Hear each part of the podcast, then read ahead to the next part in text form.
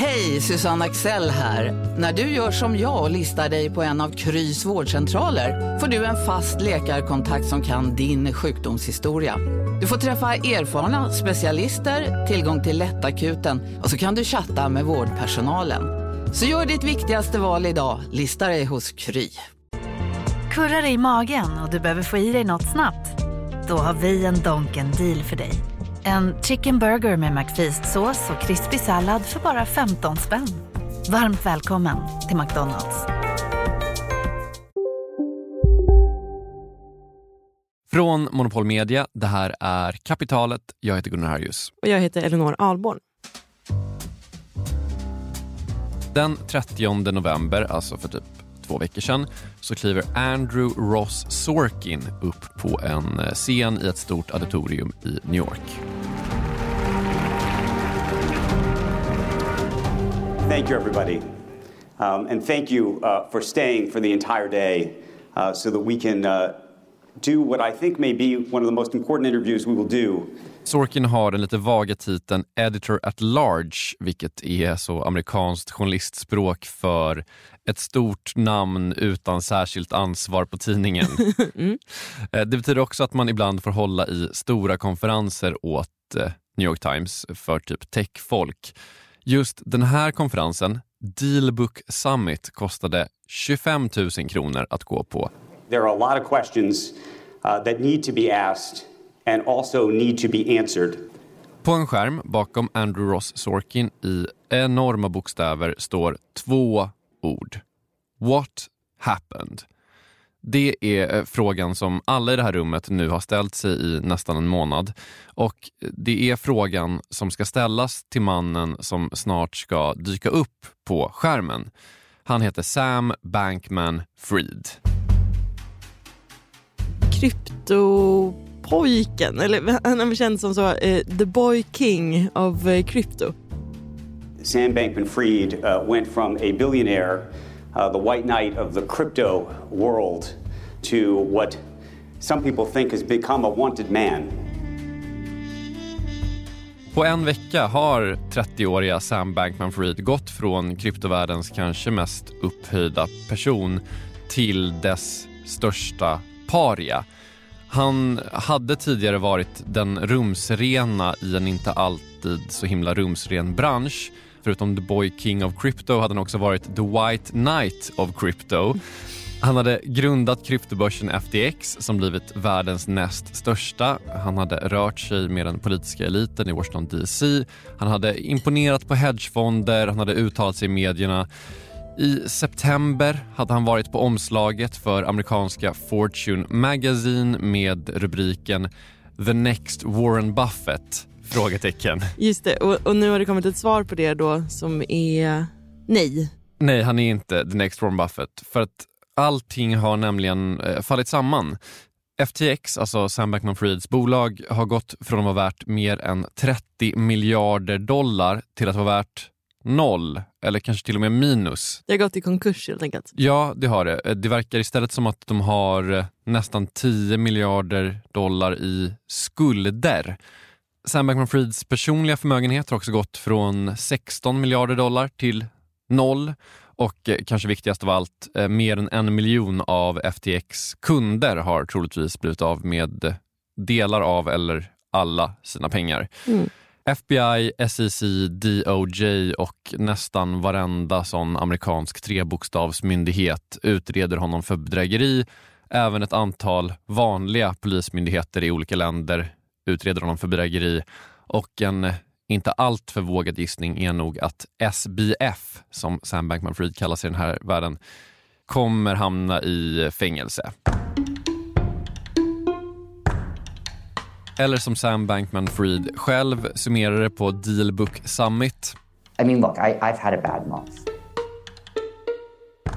Det som Sam Bankman-Fried har gjort med sitt bolag FTX har hittills i alla fall beskrivits som ett större bedrägeri än Theranos. Oj, alltså den här eh, blodanalysmaskinen som inte funkade som Elizabeth Holmes höll på med. Precis. Eh, vissa har till och med jämfört det med Bernie Madoff som väl typ är världens största bedragare som eh, låtsades driva en hedgefond som egentligen var ett väldigt så regelrätt pyramidspel.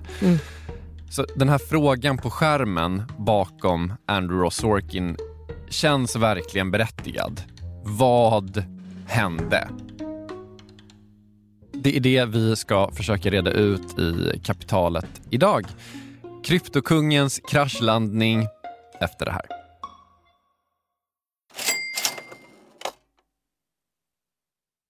Kapitalet sponsras av SPP och Storebrand Asset Management. Eh, Storebrand och SPP hör ju ihop sedan många år och utan att gå in på några detaljer här och nu så kan vi i alla fall säga att eh, Storebrand förvaltar över 1200 miljarder kronor bland annat åt just SPP.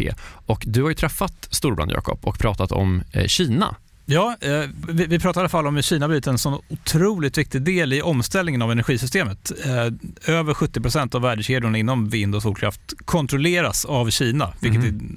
är otroligt när man tänker på det. Ja.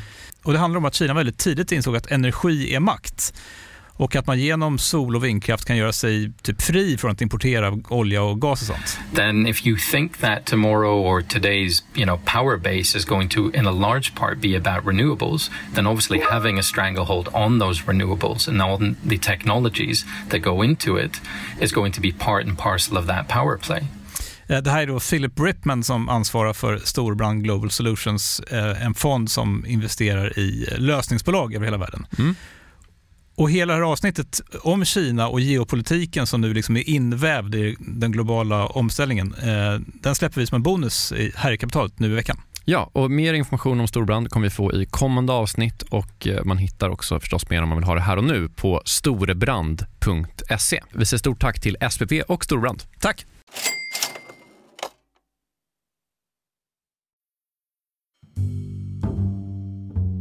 Okej, så Sam Bankman-Fried, en av kryptovärldens mest uppburna personer, har totalt kraschat sitt bolag och dragit med sig massa andra i fallet får man kanske säga. Mm. Och Den stora frågan som hänger i luften då och eh, också bokstavligen hängde bakom Andrew Sorkin på den här eh, konferensen är vad hände?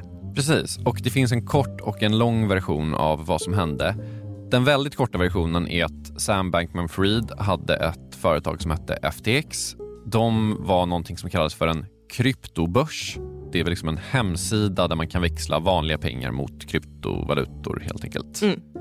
Den här börsen hade mer än en miljon användare, dels vanliga kunder men också stora institutionella investerare som man pratar om ibland. Och eh, plötsligt en dag den 6 november i år så kunde man inte ta ut sina pengar därifrån. Aj, aj, aj. Minst sagt. Så det är den korta versionen. För att få den lite längre versionen så har jag pratat med Mike Burgersberg.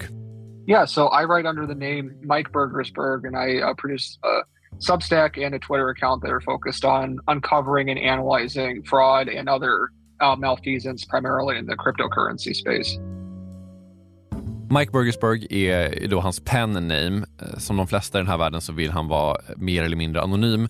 Jag eh, anade att det var ett för kul namn för att vara sant. Exakt, det är typ en take på Bloomberg, alltså den här finanstjänsten. Mm. Yeah. Hur som helst, Mike var en av de första som började skriva om att något kanske var fel på FTX. Han gjorde det på sin Substack, alltså typ blogg slash nyhetsbrev kan man väl säga. Mm, för folk i, i framkant. Exakt, Mikes Substack heter Dirty Bubble Media.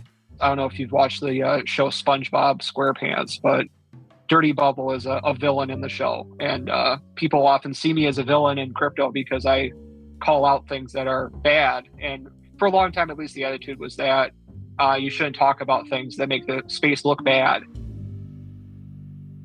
Mike har hållit på med kryptogranskningar i eh, typ ett år och när han började titta på FTX så såg han liksom det som resten av världen såg, typ ett föredöme inom den här världen. Alltså kryptovärlden är ju inte alltid så himla vad ska man säga, det är känt att allt inte alltid går så himla rätt till där.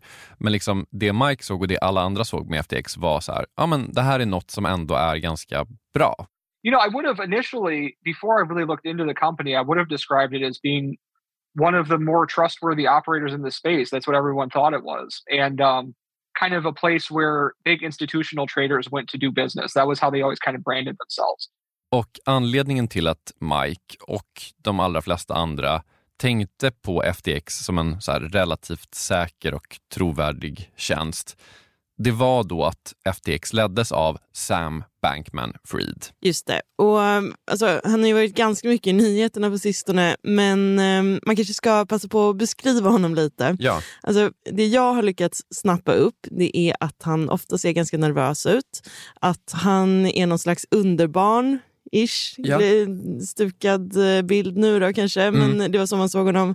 Eh, och att den har lite stökig frisyr, så stort lockigt svart hår. Typ. Precis, han är lite så, man tar den eh, parodin på en tech-vd till extrem. Liksom att så här, man har absolut inte kostym och då kanske en vanlig techkille har en hoodie. Sam Bankman-Fried har shorts på sig och en stor, ganska ful reklam-t-shirt. Alltså du vet, så här, det, mm. det, är lite så... Han skiter i på ett väldigt utstuderat sätt. Ja men det kan man nog säga. Och han är då någon slags underbarn, eller han beskrevs som det då. Han är amerikan, han är 30 år och han är son till två stycken Stanford juridikprofessorer och i väldigt, väldigt ung ålder så blev han väldigt rik. Hur? Ja, men han började då jobba på Wall Street, eller något som heter Jane Street Capital. Jag tror att det inte tekniskt sett låg på Wall Street, men det beskrivs som en Wall Street-firma. Sen slutade han där och började trada själv och upptäckte då kryptovalutor. Han tradade lite med det här.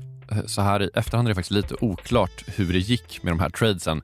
Men storyn då var att det gick väldigt, väldigt bra. Så Sam Bankman-Fried startar då sitt första bolag som heter Alameda Research. Eh, det är en, alltså det är en fond helt enkelt. Alltså man kan investera i. Det är en investmentfond. Sådär. Mm, som håller på med krypto då. Ja, precis. Och visst är alltså research i det här namnet det är mest ett namn. Det låter bra. Typ. Ja, ja exakt. Som fonder ofta heter. Ja, precis. Eh, framförallt så håller den här fonden på med någonting som kallas för arbitrage, eller arbitrage på svenska, så du kanske kan förklara? Ja, eh, det är när samma sak kostar olika mycket på olika ställen. Alltså typ om guld kanske kostar 1000 kronor kilot på den svenska guldmarknaden och kanske 1100 på den norska. Då kan man ju köpa guld i Sverige och sälja i Norge och bli jätterik då på eh, mellanskillnaden. Precis, och det här räknar man då som typ en relativt riskfri grej så länge de här priserna håller i sig och man kan frakta guld mellan Sverige och Norge på ett effektivt och bra sätt. Mm. Och Det här är det som Alameda Research höll på med fast istället för guld så gjorde de det med krypto. You mentioned at one point in an interview that Alameda made a million dollars a day every weekday. Can you explain how that happened? Här blir Sam Bankman-Fried intervjuad av Kate Rooney på CNBC. Japan and Korea which were two places that saw particularly large um, buyers of digital assets especially relative to the liquidity provided in those areas. Det Sam Bankman-Fried försöker förklara här är någonting som inom kryptovärlden har kallats för the kimchi premium. Kimchi, den fermenterade koreanska grönsaksrätten. Precis. Det var då namnet som man gav till ett arbitrage liksom där det skilde väldigt mycket i hur mycket en bitcoin kostade i USA jämfört med Korea och senare också i Japan. Lite tveksamt namn måste jag säga på den där. Ja, okay, så det, men det har ingenting med kimchi att göra förutom att det är då Korea, Korea. Nej, och även Japan. ja, lite vagt. Mm. Den här skillnaden då mellan hur mycket en bitcoin kunde kosta i USA jämfört med Korea kunde vara upp till 30 procent för att man hade lite olika så stränga regleringar och sånt där i Korea och Japan. Och det är då det här, enligt egen utsago, som Sam Bankman-Fried och hans nya bolag Alameda Research tjänar 20 miljoner dollar på. När du säger enligt egen utsago, alltså vadå, är det omstritt? Ja, eller alltså nu när allting har gått åt helvete så har man liksom börjat granska i princip allt i Sam Bankman-Frieds liv och det här är en sån sak som kanske inte riktigt går ihop. Alltså, Många menar i alla fall att det i princip är omöjligt att tjäna så mycket pengar som de gjorde på det här. det är liksom inte helt omöjligt, inte bortom alla liksom logikens lagar och regler, men det verkar typ inte så himla troligt. Hur som helst, den här fonden tar ju då också in massa pengar från investerare. Den växer och det blir officiellt en succé.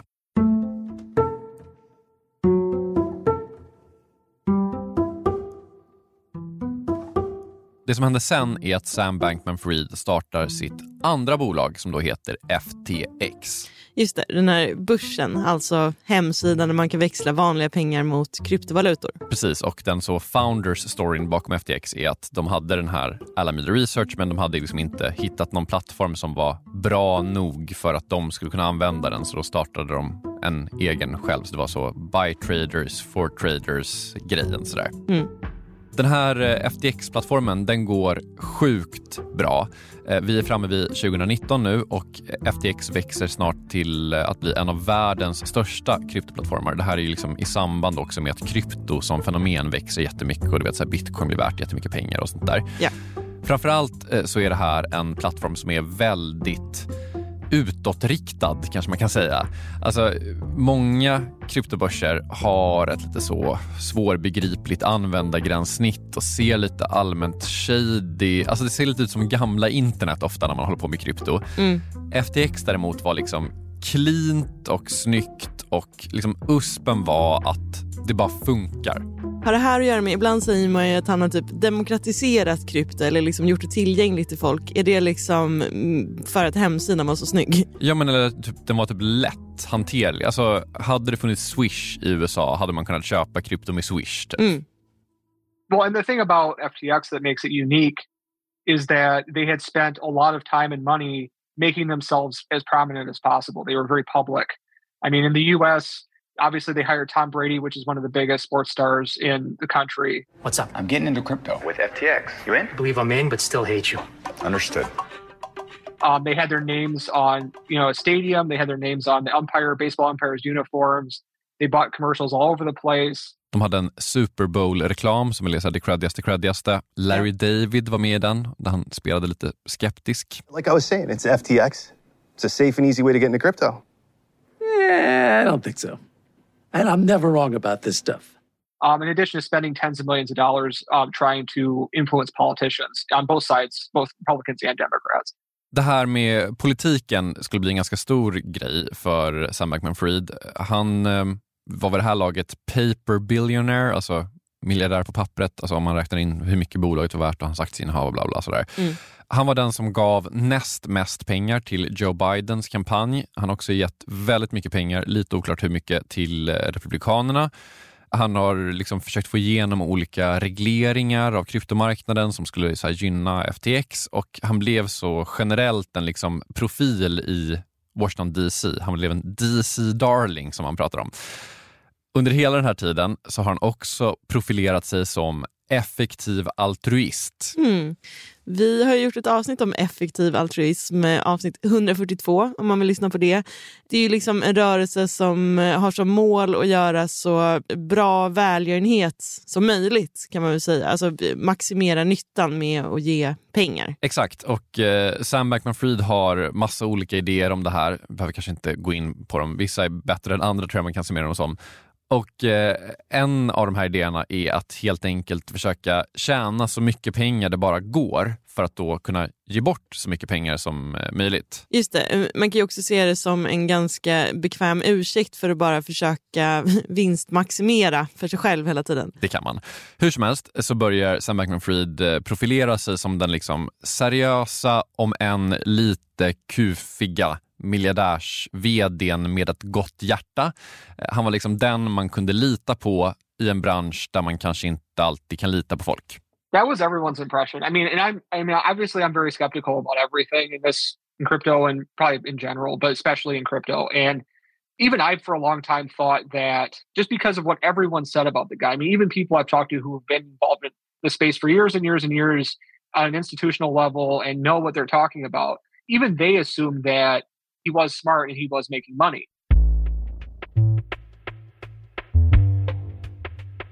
Och sen, och nu är vi då framme vid 2022, så börjar det gå väldigt dåligt för krypto generellt. Eh, det är ju liksom en generell nedgång i ekonomin till att börja med och sen så händer det massa grejer i krypto också. Luna kraschar till exempel. Ja, allt om det i avsnitt 258 av Ja. kapitalet. Bara att spola tillbaka. Och eh, sen börjar ett gäng mer eller mindre shady kryptobolag gå i konkurs. 3AC hette ett, Voyager, Celsius, det finns massa såna här. Det visar sig att de här bolagen, eller några av dem i alla fall, har använt kundernas pengar för att göra väldigt riskfyllda trades. Alltså, de har satt in pengar på den här typ banken eller börsen eller man ska säga och så har de tagit dem och liksom spekulerat med dem. Det vill man ju absolut inte att de ska göra och sen så börjar de liksom falla som dominobrickor för att de är alla skyldiga pengar till varandra och har investerat i varandra. De är liksom, ja, det finns systemrisker. You know, Sam suddenly steps in and says, I'm going to bail you out because I have so much money that I can come in. And he basically says in an interview, like, I don't think I'm going to make any money on this. I'm just trying to help out this space. Han vill få stopp på dominobrickorna. Ja men typ. Han resonerar att om alla de här bolagen går under så kommer det vara väldigt dåligt för krypto som helhet och eh, liksom skada branschen.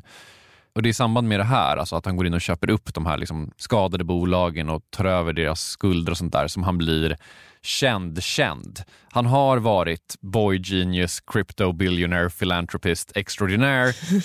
nu blir han också känd som cryptos lender of last resort. Alltså det man brukar kalla typ eh, centralbanker som går in och räddar vanliga banker för att undvika en fullskalig finansiell kollaps. Precis, han blir liksom en central punkt i hela krypto.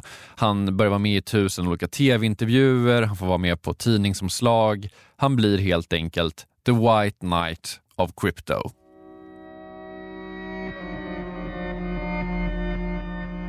Så Sam Bankman-Fried står på toppen.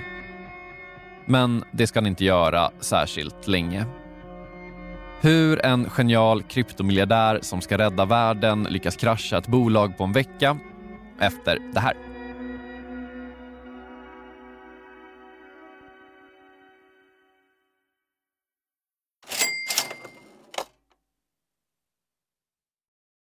Jakob, vi har ett samarbete med Pareto Business School och det här är jag rejält nyfiken på. För ja. att eh, eh, så här, vi jobbar ju sida vid sida, bokstavligen, sitter bredvid varandra och då och då så håller du upp ett finger och säger nu måste du vara tyst i en timme för nu ska jag eh, göra något Pareto. Exakt. Ja. Eh, jag gillar ju att lära mig nya saker, det gör ju många journalister. Eh, så den här våren går jag då en åtta veckor lång så kallad mini-MBA. Alltså jag hade gärna gått en riktig MBA också, men, men ja, jag har inte tiden det kräver och, och framförallt ingen arbetsgivare som vill betala 800 000 för att låta mig göra det. Nej, eller kanske du har. Du är ju arbetsgivaren. ja, snål, snål arbetsgivare. Mm. Det är då Jens Bäckbom och Mattias Eklöf, två svenska entreprenörer som har skapat den här utbildningen just eftersom det finns ett gigantiskt hål mellan typ YouTube-filmer och en, en riktig MBA. Ja, och det här är då Pareto? Exakt, Pareto ja. MBA. Eh, Paretos utbildning kostar cirka 25 000 kronor och, och, under åtta veckor så lär man sig jättepraktiska och tillämpbara modeller för hur man startar, skalar upp, driver och säljer bolag. Eh, Jens och Mattias eh, de håller själva i många föreläsningar. De är garvade entreprenörer båda två. Mm. Och så man så olika gästföreläsare som kom in. Mm. Typ någon kille som, som, eh, var expansionschef på Spotify, någon som körde marknadsföring på Revolut, eh, en kille som driver Sveriges största campingkedja, mm. som har varit med i kapitalet faktiskt, okay. Johan Sör. Ja. Ah, just det. Också varit en helt otrolig svensk eh, entreprenör som byggt massor med grejer i Vietnam. Alltså makalösa berättelser. Oh, wow. Eh, så den här kursen består av en blandning förinspelade moment och seminarier, men man går också i då så kohorter tillsammans med andra deltagare från Sverige och utlandet. Jättenyttigt, eh, eh, tidseffektivt och funkar jättebra för, för den som vill driva egen verksamhet som, som typ vi gör här. Eller om man typ driver projekt och affärer i större bolag. Wow. Om man är taggad på att eh, bli en del av den här, liksom, vad ska man säga, Jakob skolan om man vill bli som dig, lära sig lika mycket som, som du har lärt dig, vad, ja. vad gör man då? Eh, nästa kursstart är 5 april, så vill man ta ett kliv framåt i sin utveckling eller karriären eller så, gå då till arbetsgivaren och kolla om du inte kan gå den här utbildningen. Priset ligger alltså på 2500 euro, men ni får 10% rabatt om ni anger Monopol Media som referens när ni eh, gör er anmälan. Mm. Eh, man kan också gå in på paretoschool.com för att eh, läsa mer och ja, se lite smakprover från själva utbildningen. Då. Mm. Så att eh, man sparar jättemycket pengar i för att gå Handels MBA och man sparar ytterligare pengar om man tar del av eh, Monopol Media-erbjudandet. Ja, exakt. Ja, en no-brainer som vanligt. Mm. Plus att man blir ju eh, alumnkollega med mig då. Verkligen. Så stort, stort tack till eh, Pareto Business School och eh, gå in på paretoschool.com.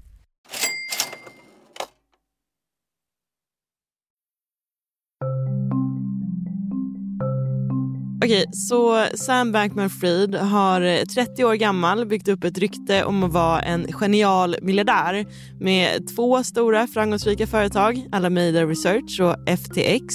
Och dessutom så vill han rädda världen genom effektiv altruism och rädda hela kryptoindustrin från total kollaps genom att vara någon sorts lender of last resort till olika kryptobolag som eh, gjort bort sig och börjat falla som dominobrickor. Precis. Eh, han hyllas över typ hela kryptovärlden. Han sponsrar allt från stora bitcoinkonferenser till basketspelaren Steph Curry. Men sen, den 2 november i år, så börjar allting falla samman. Det börjar med att Coindesk, som är en sajt som publicerar kryptonyheter, släpper en eh, screenshot på Alameda Research balansräkning. Alltså hur mycket pengar de har just nu, vilka tillgångar, vilka skulder och sådär. Och det här är alltså Sam Bankman-Frieds eh, investeringsbolag, alltså det som tjänat en massa pengar. Precis. Och hur eh, såg den här balansräkningen ut? It showed that they had a lot of debt. It showed that they had very little cash. Det här är Mark Burgersberg eh, som var med och eh, avslöjade det här. Eh, det han gjorde lite mer konkret var att han tog den här balansräkningen som Coindesk publicerade och liksom noggrant gick igenom och förklarade vad den faktiskt betydde och hur stora felen var i en så viral bloggpost som han skrev. And it showed that most of their assets that they were have that they were showing on their balance sheet for Alameda consisted of various tokens that had been essentially generated either directly by FTX or by other related parties. They were all just obviously worthless.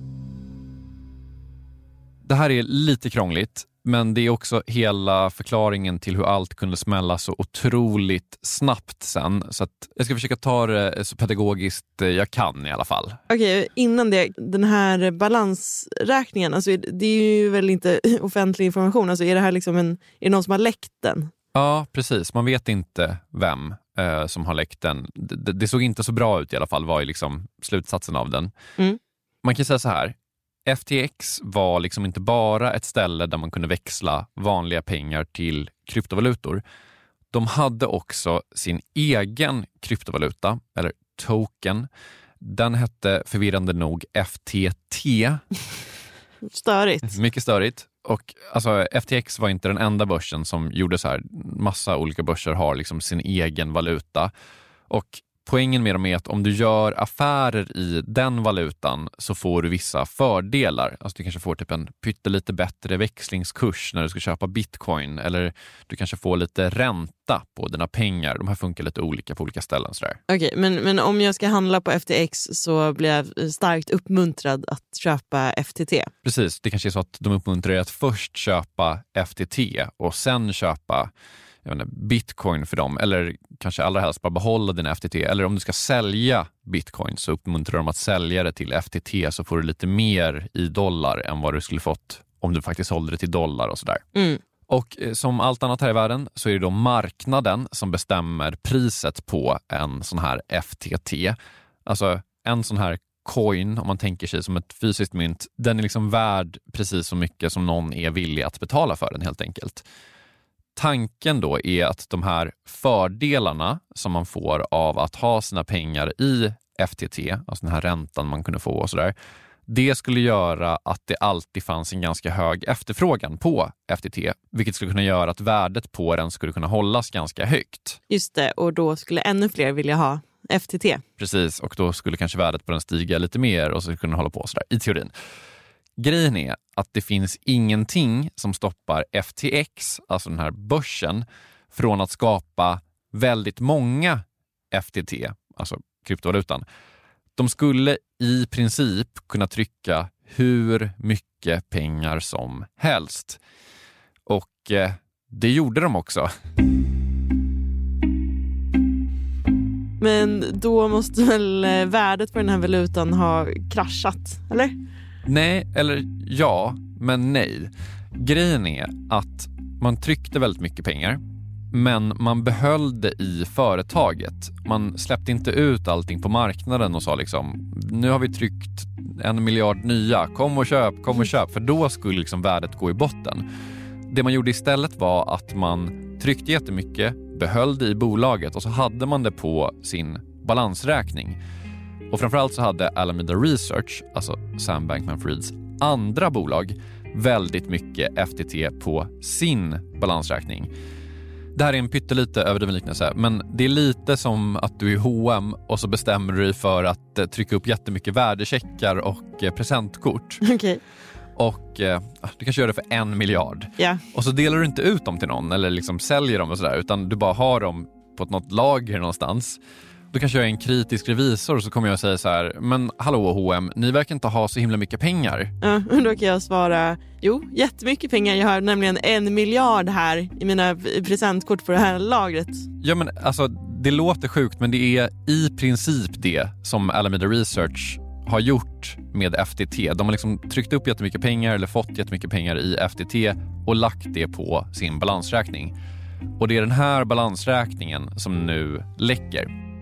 But we, you look at their balance sheet and you'll see, oh, hey, if you take all these totally illiquid tokens off that, there's no way they can cash them out. Because if you looked at like FTT token, they owned like 90%, 80 or 90% of the entire market cap of this token. Så lite förenklat kan man säga att Alameda Research hade 7 miljarder dollar i skulder och de täckte de här skulderna genom att ha 7 miljarder dollar i kryptovalutan FTT.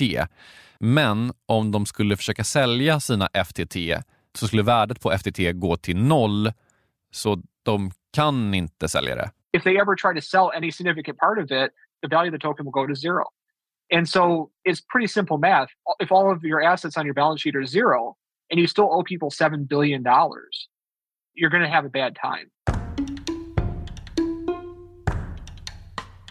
Det som hände sen än en gång lite förenklat, det var att världens största kryptobörs, Binance, visade sig också ha väldigt många sådana här FTT. Eh, de hade nämligen fått det när de sålde en del av FTX, alltså de ägde delar i det förut. Ja, strunt samma. Binance ser den här balansräkningen, ser att allt inte ser så himla bra ut och då hotar de att sälja av alla sina tokens, alltså alla sina FTT. Och bara det hotet fick det här värdet att störtdyka och då såg plötsligt Alameda Research balansräkning ännu sämre ut än vad det gjort tidigare. Folk började då gissa att kanske ser det lika illa ut på Sam Bankman-Frieds andra bolag FTX och så började de då alla samtidigt försöka få ut sina pengar från FTX. Mm, så det blev som en klassisk bankrun. Verkligen. Och det som alltid händer när det blir en bankrun är ju att de hade inte alla pengar. De var tvungna att stoppa sina uttag och allting föll som ett korthus. För det visade sig då, och det här är nästan det sjukaste av allt, att de då hade tagit massa lån och gjort massa trades med FTT som säkerhet. Alltså, om vi går tillbaka till H&M och presentkorten. Det är lite som att H&M behöver låna pengar för att bygga en ny fabrik eller någonting och sen banken de ska låna av frågar vad har du för säkerhet? Och då säger H&M ja vi har ju den här högen med orealiserade tillgångar här och så är det de här presentkorten som liksom ingen har köpt eller äger. Mm.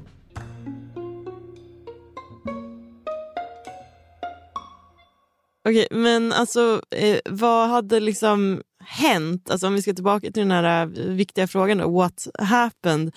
Alltså, varför hade de tagit så stora lån och hur kunde allt falla ihop? Varför hade de inga pengar? Ja, alltså det är lite oklart. Det man vet är att Alameda Research hade ett stort underskott av pengar och det som hände då var att FTX skickade sina kunders pengar till Alameda Research för att täcka Alamidas skulder. Så att om du hade satt in pengar på FTX så hade det liksom på ett vanligt konto där, som du kanske någon gång tänkte köpa bitcoin för eller någonting. Då tog FTX de pengarna och skickade det till Alameda Research för att täcka ett underskott som fanns där. Which automatically, because of the way their user agreement was written, automatically is admitting to fraud. There's no question. Så det är liksom förklaringen till hur hålet i FTX uppstod. De skickade det till Alameda för att täcka hålet där. Men hur hålet i Alameda Research uppstod är faktiskt inte helt eh, klarlagt. Deras före detta VD Caroline Ellison har sagt att det har att göra med Luna-kraschen, att de gjorde dåliga trades där. Det som är bortom allt tvivel är att de måste ha gjort väldigt, väldigt dåliga trades. De har också köpt massa fastigheter på Bahamas, de har också tagit ut pengar ur bolaget. Frågan som folk nu ställer sig är liksom, var det här ett extremt stort bedrägeri där slutmålet hela tiden var att tömma bolaget på pengar? Eller var det här ett mega fuck-up som de försökte täcka igen? Och det är liksom inte helt klarlagt än. Ett gäng rättegångar är nog att vänta där.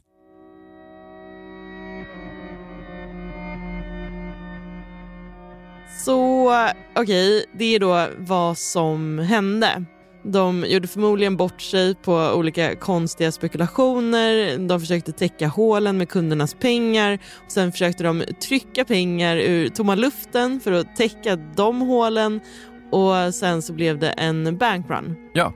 Men alltså, det finns ju en annan del av det här som är hur kunde det hända? Alltså, de tog ju in en massa pengar från riskkapital till exempel och de måste ju rimligtvis ha fått kolla på Alamidas och FTX eh, balansräkningar och eh, sett att där låg det en miljard i presentkort, typ. Ja, rimligtvis borde de ha kollat på det och tänkt att det där såg inte så himla bra ut. Mm. Men så här med facit i hand så kan de ju rimligtvis inte ha gjort det för då skulle de ju inte investerat i det. Så det, det är ett mysterium det där. Mm. Jag tror dock att man måste komma ihåg att Sam Bankman-Fried var liksom på omslaget till Fortune. Alla kallar honom för ett geni. Vem är liksom du att ifrågasätta honom? Just det, det, det är lite så, även riskkapitalister är också människor, det vill säga mottagliga för mm, karisma och typ så, grupptryck. I mean, I get it. I do get it. And Sam was very good at creating an image, no question. But I'm not a genius. I'm not a finance expert. It still blows my mind that someone could see that balance sheet and think this makes sense. And I think what happened was that a lot of people, when they hear someone like that and they and they say, okay, well, everybody says this guy is smart, and I don't understand anything he's saying. There are two different types of reactions to that. Some people say, well, maybe he's not so smart, and maybe he doesn't make any sense because he doesn't know what he's talking about. But there's another group of people that says, well, I don't understand him because he's too smart, and so I should, you know, believe what he's saying and trust him and invest with them. And I think that's kind of how he was able to convince people to uh, believe in what he was doing. Och nu då, på en skärm i ett auditorium i New York så ska Sam Bankman-Fried då försöka förklara sig. And I want to start there because I think that there are so many people who have that question, which is what is this and what did happen? Um, and at the end of the day, I, I was CEO of FTX. Anledningen till att inte en större del av det jag spelar upp för dig eh, är det här, är att han eh, helt ärligt inte säger så himla mycket. Han säger att han är otroligt ledsen. Han säger att han inte vill att något av det här skulle hända och eh, om man återgår till den här frågan, liksom idiot eller bedragare, så är han idiot. Är han själv säger i alla fall. I had a duty. I had a duty to all of our stakeholders, to our customers, uh, our creditors. I had a duty to our employees, to our investors, and, and to the regulators in the world uh, to do right by them, to make sure the right things happened at the company. And uh, clearly, I didn't do a good job of that. Um, clearly, I um, I made a lot of mistakes or, or things I would give anything to be able to do over again. Med andra ord, det var ett fuck-up, inte typ ondska som ledde till det här. Enligt han själv. Jag hade också valt det försvaret, ska sägas.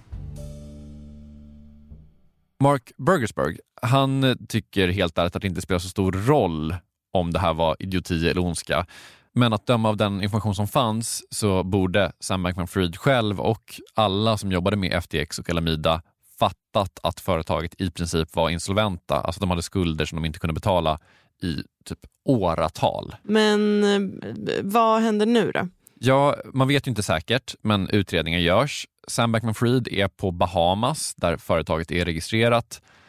Alltså det känns ju lite kört i alla fall, måste man nog säga, för honom och för alla hans bolag och sådär. Och för kryptoindustrin, som Sam Bankman-Fried sa sig vilja rädda, så ser det ju sämre ut än på länge.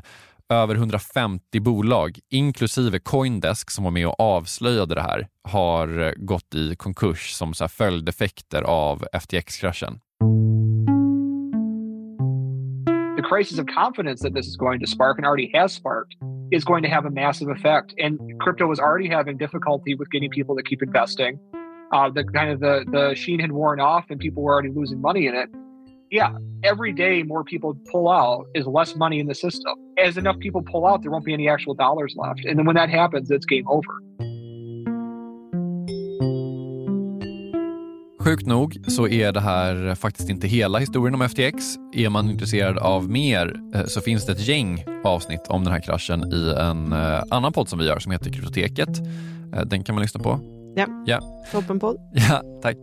Kapitalet är slut för idag. Vi som gjort det här avsnittet heter Gunnar Harjus och Elinor Alborn. Jakob Bursell är ansvarig utgivare och mixningen den har Kristoffer Krook stått för. På Instagram, det heter vi Kapitalet. Där kan man följa oss. Även på Twitter. Även på Twitter. Följ oss där. Vi är tillbaka igen om en vecka. Hej då! Hej då!